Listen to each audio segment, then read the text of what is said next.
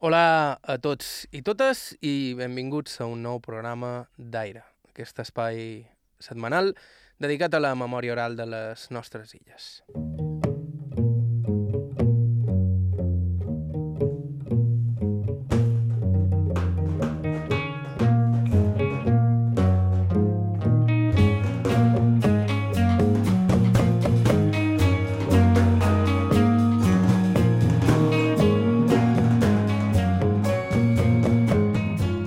aquest programa solem entrevistar, en la majoria de casos, gent que ha nascut abans de 1940. Les raons són fàcils d'entendre. La generació que va néixer després de la Guerra Civil va viure un món molt diferent al de generacions anteriors. I en molts casos, la transició d'aquell món pagès, de l'economia de subsistència, a l'economia derivada del turisme, ja els va aplegar en edat de començar a fer feina. Però hi ha casos i casos, i el d'avui és un cas especial. En part per la història de son pare, un marger que va tenir l'enginy per un bon dia eixamplar l'entrada d'un forat per on fugien els conills i un cop va acabar-hi a dins va descobrir les coves de Campanets, Mallorca. I era, un forat petit, era un, un cau, li deien esca, escau. I tothom, tots els caçadors el coneixien per amor d'això, perquè eh, ja no li mollaven a la fura, però el conill, el conill sabia sortir.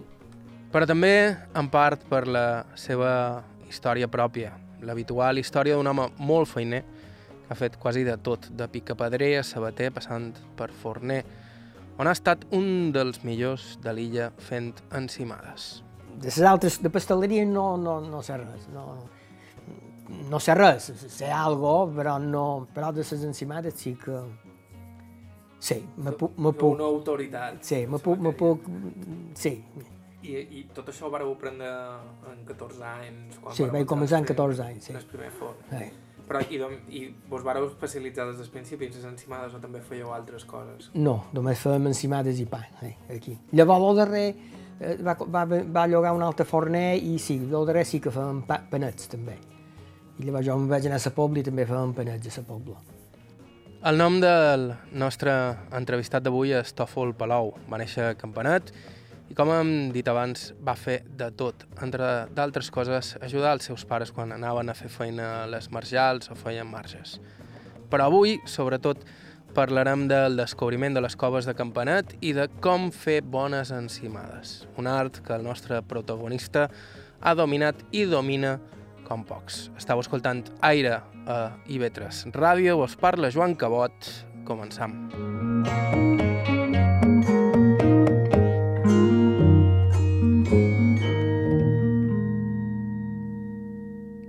I ho feim en una tranquil·la casa a la sortida de Campanat, on ara viu en Tòfol, el mateix poble on va néixer. El meu nom és Tòfol Palau Boades, vaig néixer el 9 de gener del 44. En 1944, i va Sí. néixer aquí a Campanat. Sí?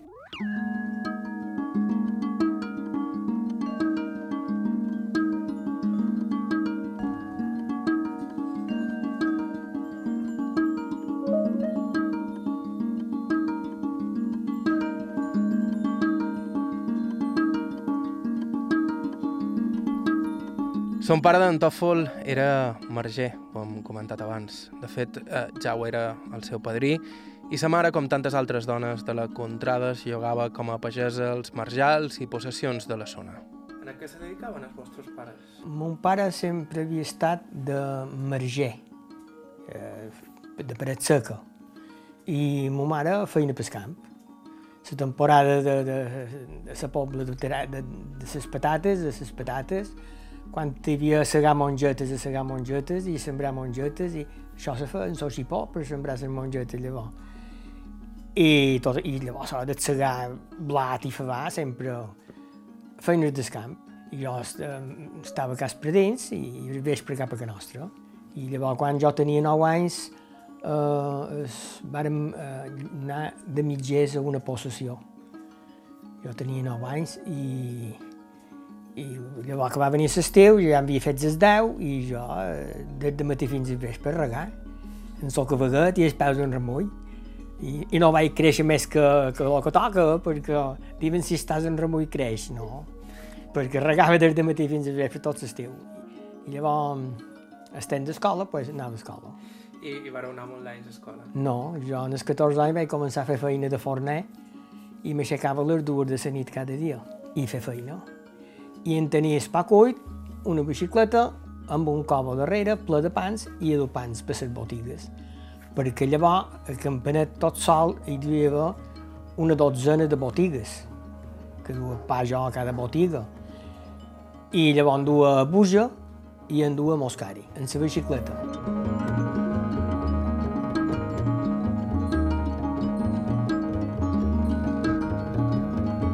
En Tòfol acabaria fent de forner bona part de la seva vida. De fet, aquest seria l'ofici que acabaria dominant, especialment el de fer encimades, però abans d'anar a fer feina per lliure, del lot, ajudava els seus pares en el que fos en aquell campanet petit de la seva infància que ell encara recorda com es va asfaltar. Campanet me record dels carrers sense asfaltar, jo. Sí, eren carrers sense asfaltar, campanetes molt mal pla, costes i cap a valles, i sí, sí. Jo, nosaltres vivíem en el carrer, el carrer del Pou Bo, que se deia el carrer del Pou Bo. I aquest sí que té una bona, una bona davallada. Sí, Campanet és, és, és, un, és un poble que és molt llarg. Com que està damunt l'altura i té el carrer principal, que és de, de cap a cap, i llavors tots els altres carrers són curts, que és un carrer que per les festes tanquen carrers i és un poc complicat per la gent que ve, si no ho sap, és un poc complicat, perquè, ja t'he dit, eh, és un carrer, un poble llargarut, és llarg, eh? però la mateixa moneda es feim, tancant carrers.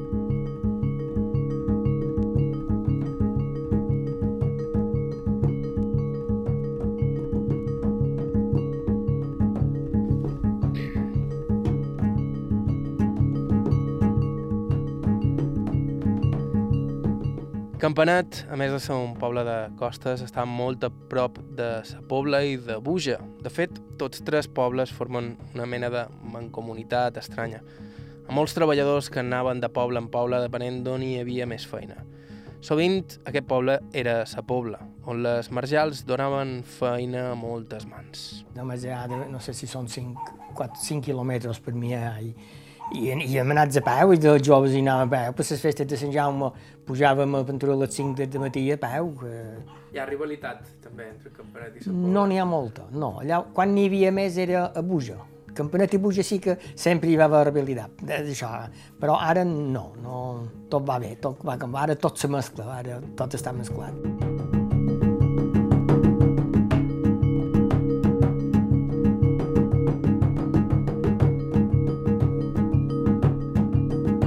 Llavors, tot se feia a mà, les patates treien en sorgalivans, eh, sembraven mongetes, sembraven en sojipó, dins, eh, duen les mongetes dins, una, dins la falda, un davantal, i dins la falda, i dins el xipó, tots els temps calats, i sembraven les mongetes.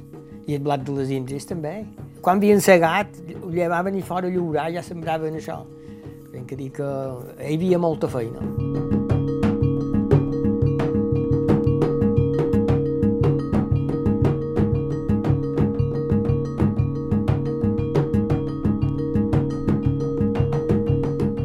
Molta feina també pels més menuts de la casa que, de seguida que podien, ja es posaven a donar un cop de mà en el que fos.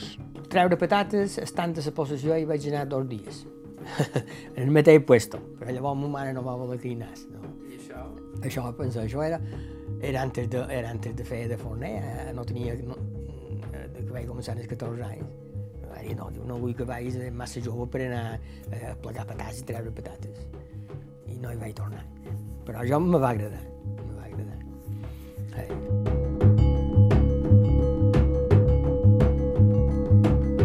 Però a la possessió la feina d'en Tòfol era sobretot regar, una feina crucial, tota una ciència si tenim en compte l'habilitat dels que feien els sols per dur aigua a tots els racons on era necessària. Sí, sí, sí, jo m'aixecava de matí, ja m'aixecava descalç. I, i a regar. El que més m'agradava regar era perquè teníem vaques també nosaltres. Clar, i teníem ufaus, sembrat, i els ufaus, eh, per regar-lo, són unes parades amples, com d'aquí la camilla, com d'aquí allà, pendura d'un metre o un i mig, i llargues. I, clar, molles l'aigua i tota sola s'escampa i tu, es carrega, té més temps de seure. I llavors també, eh, quan regàvem el blat de les indris, quan eren grossos, estàvem a sombra. Jo, eh, I també sembràvem els quatre anys primers, varen sembrar eh, un parell de corterades de tabac. Llavors se sembrava tabac. Per, la pobla se feien cementet de tabac. I llavors eh, aquest tabac s'embarcava, se n'anava fora, fèiem un bultos i se n'anava fora. Quan havíem, era madur, que el, secava, el segàvem, penjàvem, teníem els secaderos i penjàvem el tabac i llavors les fuàvem i llavors fèiem manadets, manadets de fues, per llavors col·locar-ho dins, dins, es, dins, per fer un bulto. I el bulto se feia era un, un, un llençol gros, se posava un, un caixó sense cul i llavors i tancat i se, se pitjava aquest bultó ben, ben pitjat, ben pitjat, i llavors cosit, i se fa així, se feien els voltors.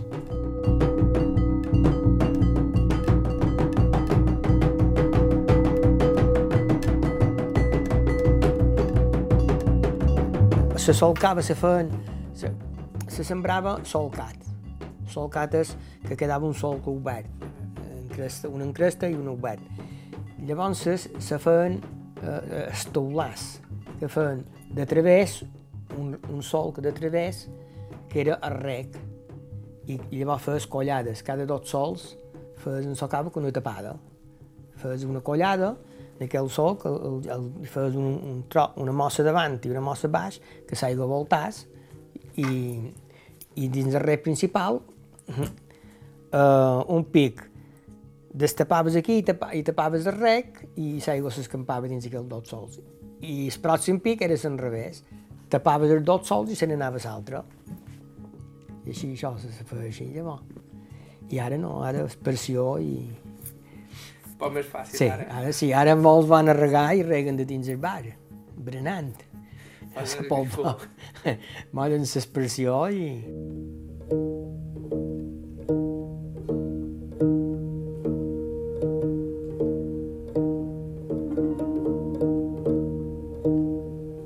No només ha canviat la manera de regar. El campanet on es va criar en Tòfol és ara un altre poble, encara que ell es resisteix a perdre els vells costums. El campanet s'ha fet ara bastant... S'han fet adossats, la sortida de són poques, s'han fet bastant adossats, en el carrer dels Molins també, i el bo però és que ha vengut de molta gent externa, moltíssima de gent externa que jo no conec, no, no. I altre temps eh, jo coneixia tothom, que em coneixia tothom i tothom te saludava i, i ara no, ara passen per de vora i no, no ni siquiera te diuen bon dia ni, ni cosa que jo no sé passar, no sé passar per de vora qualcú que, que si està aturat o, o, o que, caminant l'encontri que no digui bon dia o bones tardes.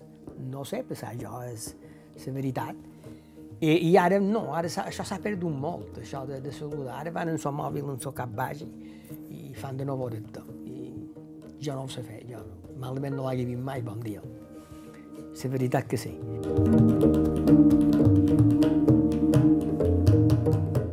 Era Tòfol Palau Boades, nascut a Campanat el 1944.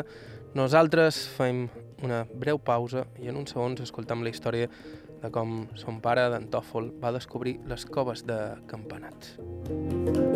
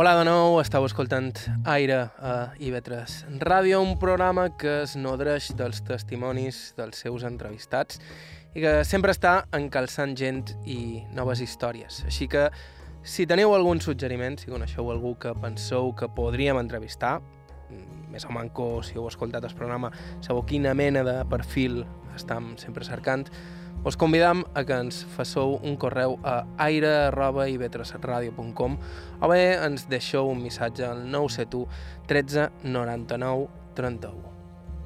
Nosaltres avui estem escoltant la història de vida de Tòfol Palou, nascut el 1944 a Campanat, Mallorca, i la raó per la qual conversam amb ell té tanta a veure amb ell mateix com amb son pare, Anem per parts. Son pare d'en Tòfol era en Tomeu Palou, Tomeu Xineta, de mal nom, i va fer tota la seva vida de marger. Era Tomeu Palau, era en Tomeu Xineta, de, de, Tomeu Xineta. de mal nom, sí. Son pare ja era, ja era marger. Mon pare, en, en, en 9 anys, ja se'n va anar son pare a fer feina de marger. I vàrem fer feina, molta, quasi tota la feina, molt de temps, molt de temps, a l'hospital de Joan Marc, allà dalt. a- Fonyola. Sí, com se diu? És Joan Marc, se diu ara. Antes, antes tenia un altre nom. Hi ha, hi ha unes parets molt altes, molt grosses, i ell va fer aquestes parets. I estava molt orgullós d'haver fet aquestes parets, ells. estava molt. I el darrer que, quan no estava molt bé, perquè també va patir un poc de bronquiós, um, no estava bé, em- podem anar cap a, a, a Joan Marc, allà dalt. Contava ell que eh, anava a fer feina a Lluc, en la bicicleta, perquè a Lluc guanyaven una passeta i a Campanet només guanyaven 8 peces. I anava a fer feina, això era, però de molt jovenet, a, a Lluc.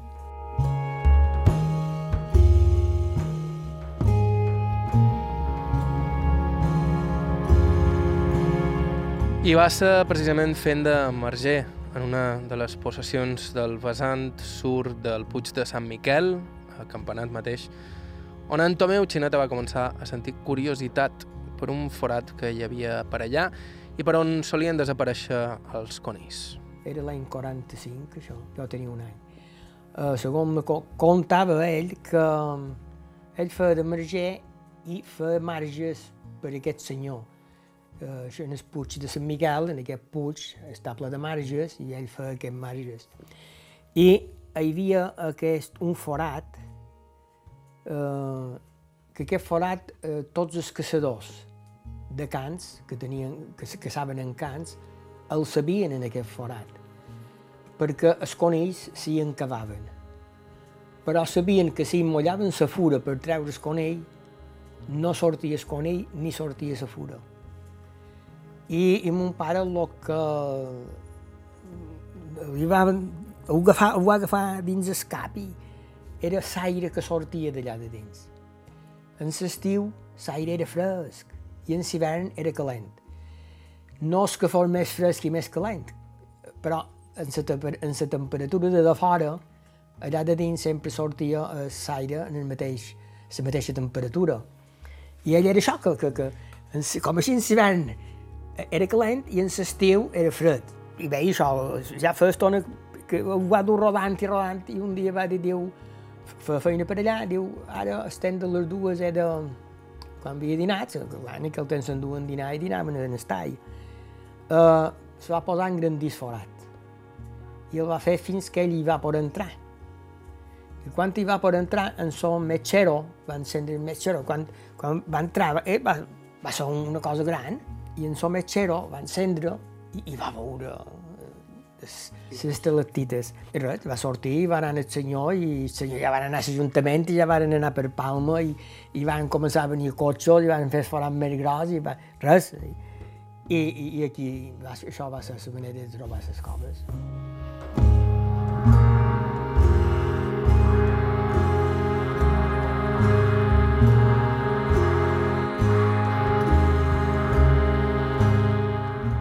Les coves de Campanet tenen una superfície de 3.200 metres quadrats i un recorregut d'uns 400 metres.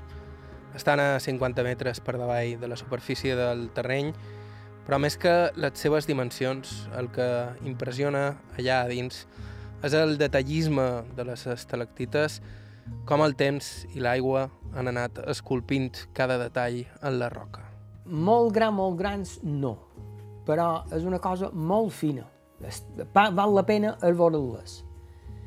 Perquè hi ha coves molt grans, però hi ha redols que són feis, que no tenen, no, no, ten, no tenen aquells caramells que, que, que, que... I aquesta, quasi per tot, té. Té la sala gran, també, que és una sala, la diuen la sala gran, que per cert, la coral de Campanet, la meva dona hi canta, hi varen fer un concert allà de dins va ser meravellós, hey, me va agradar molt. Hey. Però ja t'he dit, val la pena veure-les. Jo, jo els he vist molt i no me cansa, no me cansa de veure.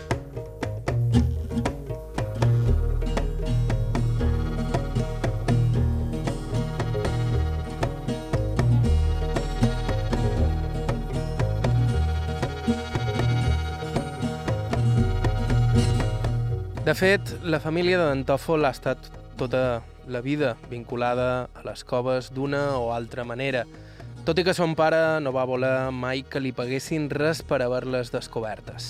Es va conformar amb no pagar per les figues que li collia l'amo i el reconeixement i l'honor que li arribaren, sobretot ja de tard. Li varen donar res al vostre pare. Li varen oferir i ell no va voler. I el senyor, eh, en, en, en el peu de, de baix, ell tenia un, un cementer de figueres i mon pare li tenia comprat cada any les figues per engreixar els porcs. I diu, bé, vist que no vol res, no te cobraré res de les figues. I va collir dos o tres anys les figues. I llavors li diu, tomeu, diu, en, en m'estic que lleven les figueres per fer una esplanada aquí. I mon pare diu, les figueres són seves, vostè faci el que vulgui. I les llevaren i això va ser el que va tenir. Um, però eh, podria manar ell a mig seu el que volgués, mai, mai li cobraren entrada. I llavors això llavors se va vendre eh, que era Nancy per mi se va vendre. Sí, Nancy Quier. I varen seguir la mateixa, la mateixa d'això de, de, de no cobrir-li res. Jo els amics meus de per, de per fora i de per Palma i això, tampoc jo mai m'han cobrat res. És que ara, encara ara, no me cobren res. En, que és en Paco, que és un gènere d'en Siquier. I, I per la festa que fan a Campanet, per les coves, que fan la romeria el dimarts de Pasco, de davant Pasco fan la romeria de Sant Miquel, fan un festasso. Primer encara era més grossa i era a Sant Miquel i tota l'esplanada de les coves també hi havia festa. I aquest dia eh, hi havia molta de gent que anaven eh, a visitar les coves i sempre, sempre varen venir a calor per anar a estar a la porta de porter. I, i pensava, eh, disfrutava mon pare amb això, no? I llavors en, en, en Miquel, que va escriure aquell llibre, i, i, i llavors bé, van venir um, té fotos amb mates i, i anava més gojós amb aquestes fotos que si ja mon pare fos viu sabia el que ha fet. Uh, sí, i, i d'aquesta manera, i, i allà a les coves, fins que, vengué, fins que ell va poder, varen, anar, varen venir a calor per anar diumenge a dinar allà i, eh, i jo, ja t'he dit, jo ara no fa molt de temps que hi vaig anar i no me cobraren res. No.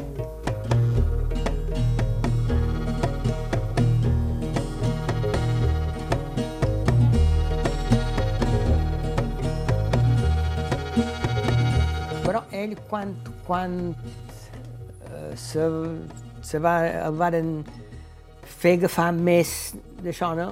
Va ser quan varen començar que, que li varen fer entrevistes, a ell li feien entrevistes, i aquest Miquel Vives que va escriure aquest llibre, i gent de per Palma, i llavors Mates, i amb aquestes entrevistes ell va agafar un poc, un poc d'orgull amb això, amb això sí que... Però no, d'antes no, de, de més jove no, no, no havia... No. Hi havia un cunyat seu que li, va, que li de, diu, ara encara, si vols, pots demanar cosa. Diu, jo no vaig voler res llavors i ara no vull res tampoc. I, diu, jo me basta l'orgull de les trobades. Això era el que deia. Estava, estava orgullós de les trobades, això sí que era I va durar una temporada, un grapat d'any, que així mateix se va explotar un poc en el turisme. Venien molt d'autocars. Ara no s'explota tant. Ara és que ara eh, no, no volen tant detruir. No, no, no.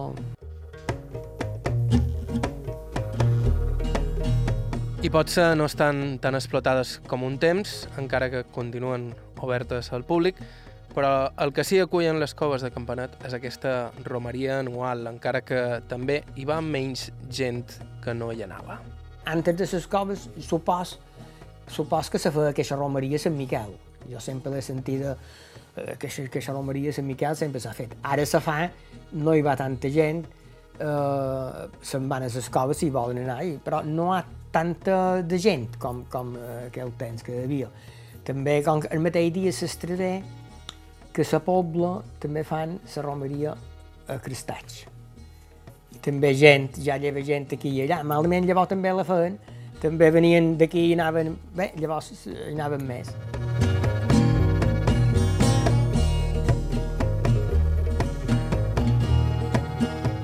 I aquesta és la història de com es van descobrir les coves de Campanet a càrrec del fill del seu descobridor, en Tomeu Xinata. Fem una breu pausa aquí a Aire i continuem amb la història d'en Tòfol Palau. Tornem en uns minuts.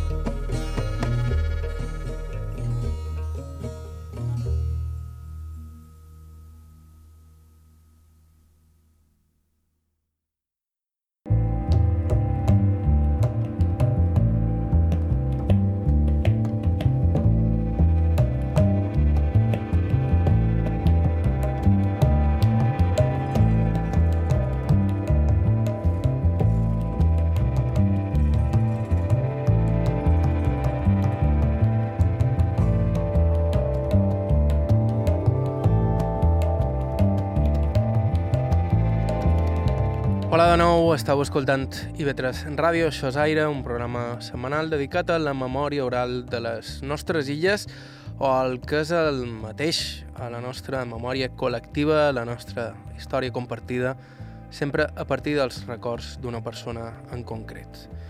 Aquesta persona avui és Tòfol Palou, nascut el 1944 a Campanat, fill del marger que va descobrir les coves del Puig de Sant Miquel, de Campanat mateix, i un d'aquells homes que s'ha passat la vida fent feina, sobretot de forner, encara que aquest home ha tocat de tot. Ha estat picapedrent, rajolador, marger i fins i tot sabater.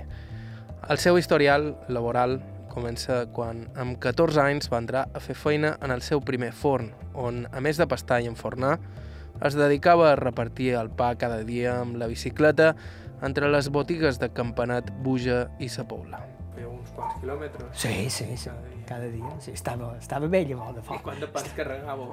Fui, jo ara no ho sé, però dins l'escola i penturí que hi havia 15 pans grossos entre, i penturí 5 coses de petits i llavors el que feia també era penjar dues sanetes de sopes, sopes pesades, a cada a l'emmirillà, dues a cada banda.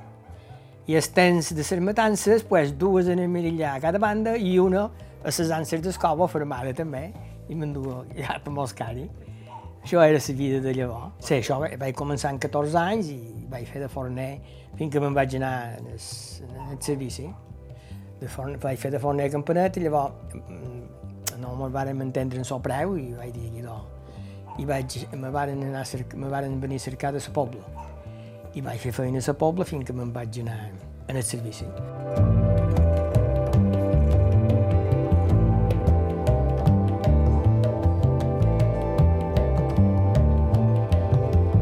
Abans d'això, però, ja havia donat algun cop de mà als seus pares. Abans l'hem sentit parlar de les feines que havia fet amb la seva mare, però també va fer algun cop d'emergent, son pare.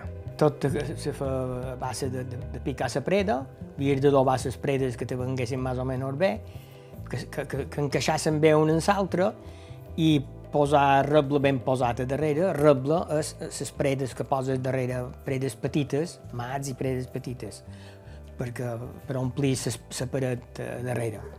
I fora ciment, llavors, perquè ara tot ho fan en ciment.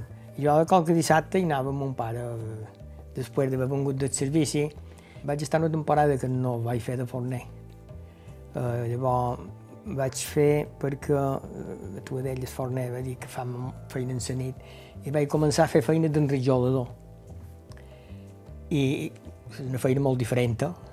Vaig fer feina d'enrijolador bastant de temps.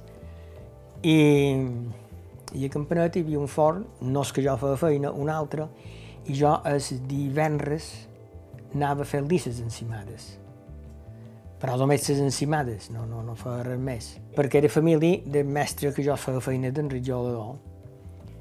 I llavors mos casàrem, el cap de pot temps de casat, aquest forn eh, me va venir a veure si volia anar a fer feina amb ells. I, i jo no hi volia anar perquè m'agradava la feina que feia i bé, i ara m'he dit, ara tens la dona embarassada i, i bé, me van fer dir que sí i vaig anar a fer feina en aquest forn i vaig fer feina també un parell d'anys. També llavors en sos, en sos jornal, clar, eren moltes d'hores i llavors guanyaven poc i també vaig, vaig, vaig fugir i vaig seguir llavors anant també en Ritjolà. I llavors aquest mateix forn me torna a venir a cercar si el vull llogar en el fons, per meu compte. I jo he dit, això ja, ja és una altra cosa, això ja... Jo sé feina que faré, l'esforç que faré el faré per jo. I vaig dir si ho podria pensar, i, i diu sí, penseu el temps que vulguis. I, i el vaig agafar, el vaig agafar, vam agafar el fons llogat, que per cert anar molt, anava molt bé. I això era el 80, el 83, era. També vaig fer feina a la benzinera d'aquí d'Ulleró, també vaig fer feina aquí. El temps que feia feina aquí era quan me van venir a cercar. I heu fet de tot? Sí, i, i, i no, no, encara no és tot. I vaig llogar forn el 83 era, i el 87 jo eh, per caminar com d'aquí la barrera m'havia d'aturar, m'havia d'aturar a respirar, perquè no... me faltava saló. I als vespres havia de dormir de, de, de segut en el llit perquè no estava tancat. I vaig, vaig anar al metge i van fer unes proves d'al·lèrgia i vaig tenir al·lèrgia a la farina. Me va pegar al·lèrgia a la farina i jo tenia 43 anys.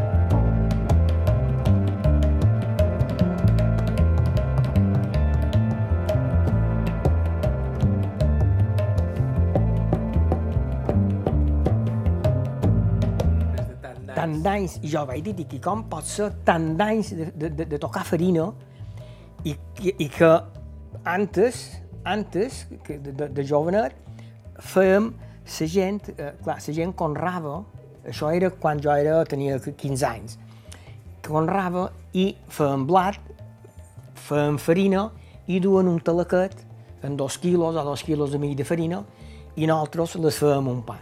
I aquests pans, aquests talets, si n'hi havia 10, 20 o 30, les pastàvem d'un en un, de tot d'una, d'un en un. Pesàvem la farina, posàvem les llevant mare i, fèiem, i això pastaves d'un en un, a mà.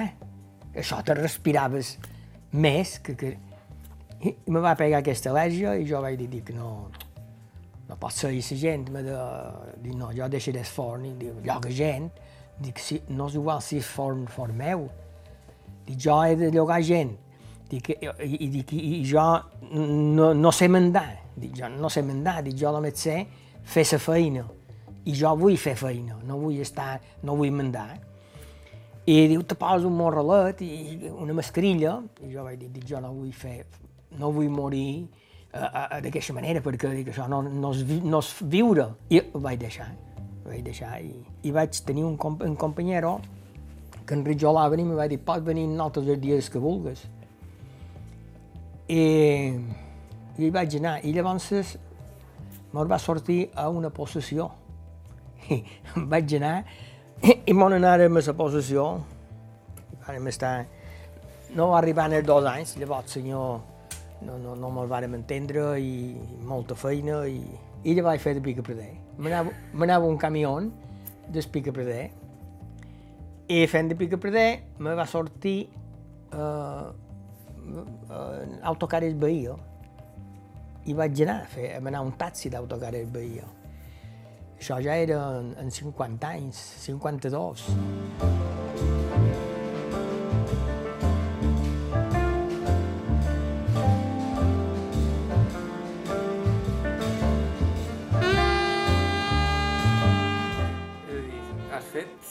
gairebé de tota sí. la vida. Sí. La qüestió no està aturat, la qüestió guanyar eh, el sou.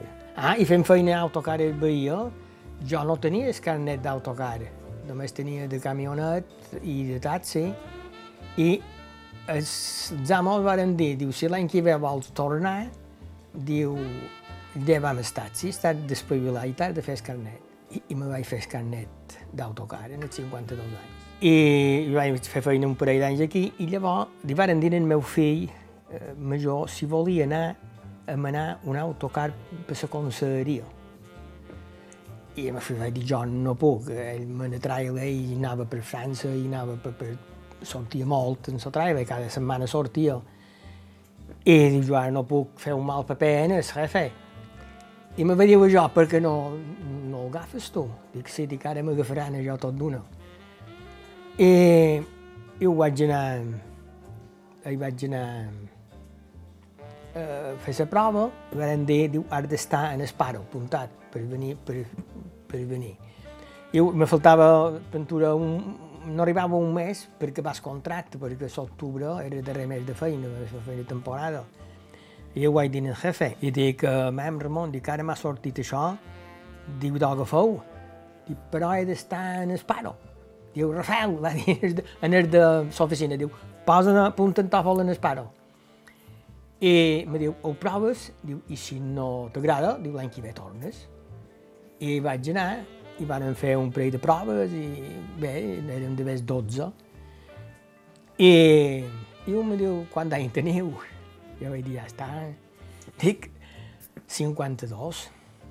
Diu, ah, idò, a partir de 50 tenen preferència la qüestió que m'agafaren. I vaig fer feina fins que me vaig jubilar l'autocar aquest, que era l'aula mòbil d'educació ambiental.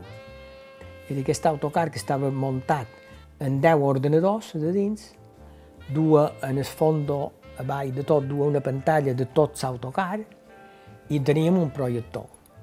I fèiem vídeos, fèiem, anàvem d'escola per les escoles, que ens demanaven Qualque escola estaven dos dies i tres, i anàvem per les escoles, i fem, un mes anàvem a Menorca, un mes i mig o dos a Eivissa i a Formentera també, i això va ser el meu darrers anys de feina.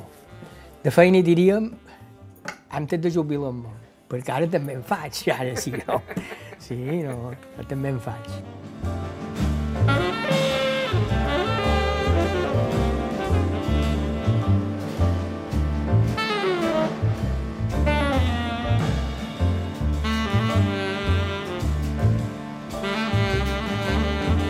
He fet, vaig fer, vaig provar també, vaig fer de sabater.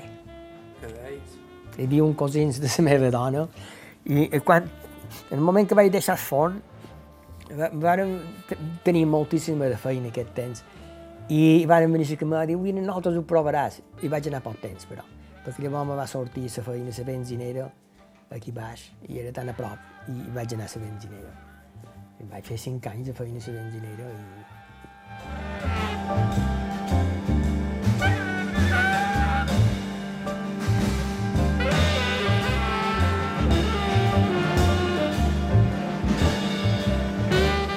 en Tòfol no només era feiner, com heu pogut comprovar amb tot aquest carrusel d'oficis. Havia de ser bon forner si tothom el cercava perquè els fes encimades. De fet, durant molt de temps va ser l'encarregat de les encimades al forn de Buja, que tenia molta anomenada, així que poca broma amb ell, que estem davant d'un expert. I de, devíeu ser bon forner, si, si pots venir a cercar tan sovint? Sí. I, i després de jo, l'any 91, l'any 91 era molt amic jo amb un amb so forner de Buja, amb, amb, amb, en, amb en Felip, Felip de Buja, el forn de Buja va ser molt anomenat. I, i me va dir, diu, era, no tenia ningú llogat, diu, podria venir a fer messes encimades a les hores que puguis.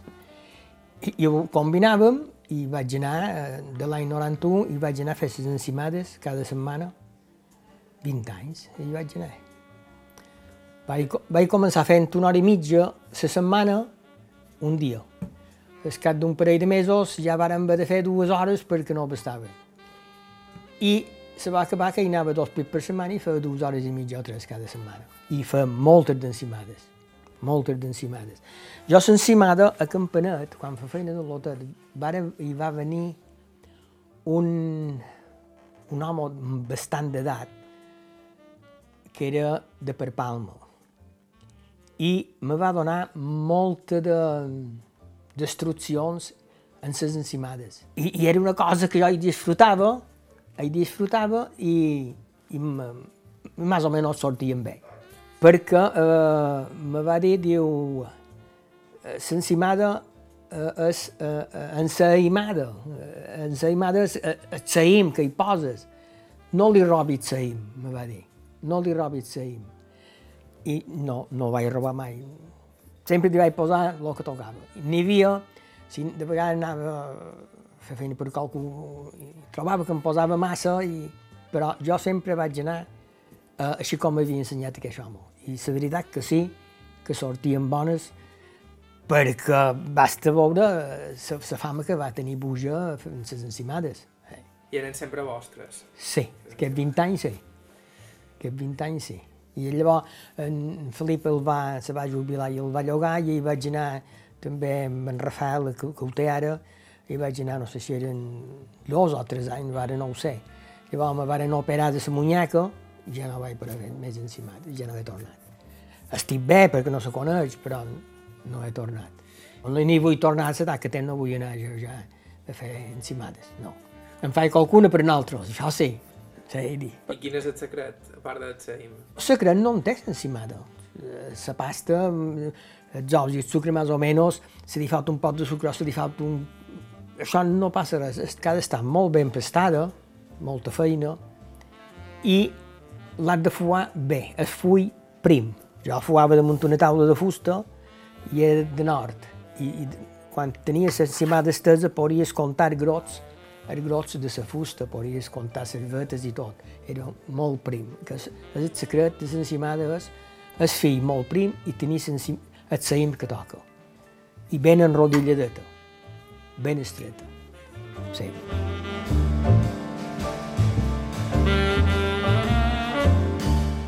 Jo ja ho heu sentit, paraula de qui en sap i n'ha fetes moltes. Fins aquí el programa d'avui d'Aire. Moltíssimes gràcies a Tòfol Palou pel seu temps i amabilitat i moltíssimes gràcies també a Maria José de Prada, que s'està convertint en la nostra informant número 1 i cada setmana ens posa davant una entrevista interessant. Però recordam que si ens voleu proposar alguna entrevista, també ho podeu fer enviant-nos un correu a aire.ivetresradio.com o deixant-nos un missatge al 971 13 99 31. 971 13 99 31. També ens podeu seguir a Facebook i Instagram i si vos voleu subscriure al podcast del programa ens trobeu a Apple Podcast i de més serveis similars. L'arxiu complet del programa el teniu a ivetresalacarta.com. Bàrbara Ferrer a la producció executiva, Iker Hernández a la producció tècnica. Us ha parlat Joan Cabot. Fins la setmana que ve.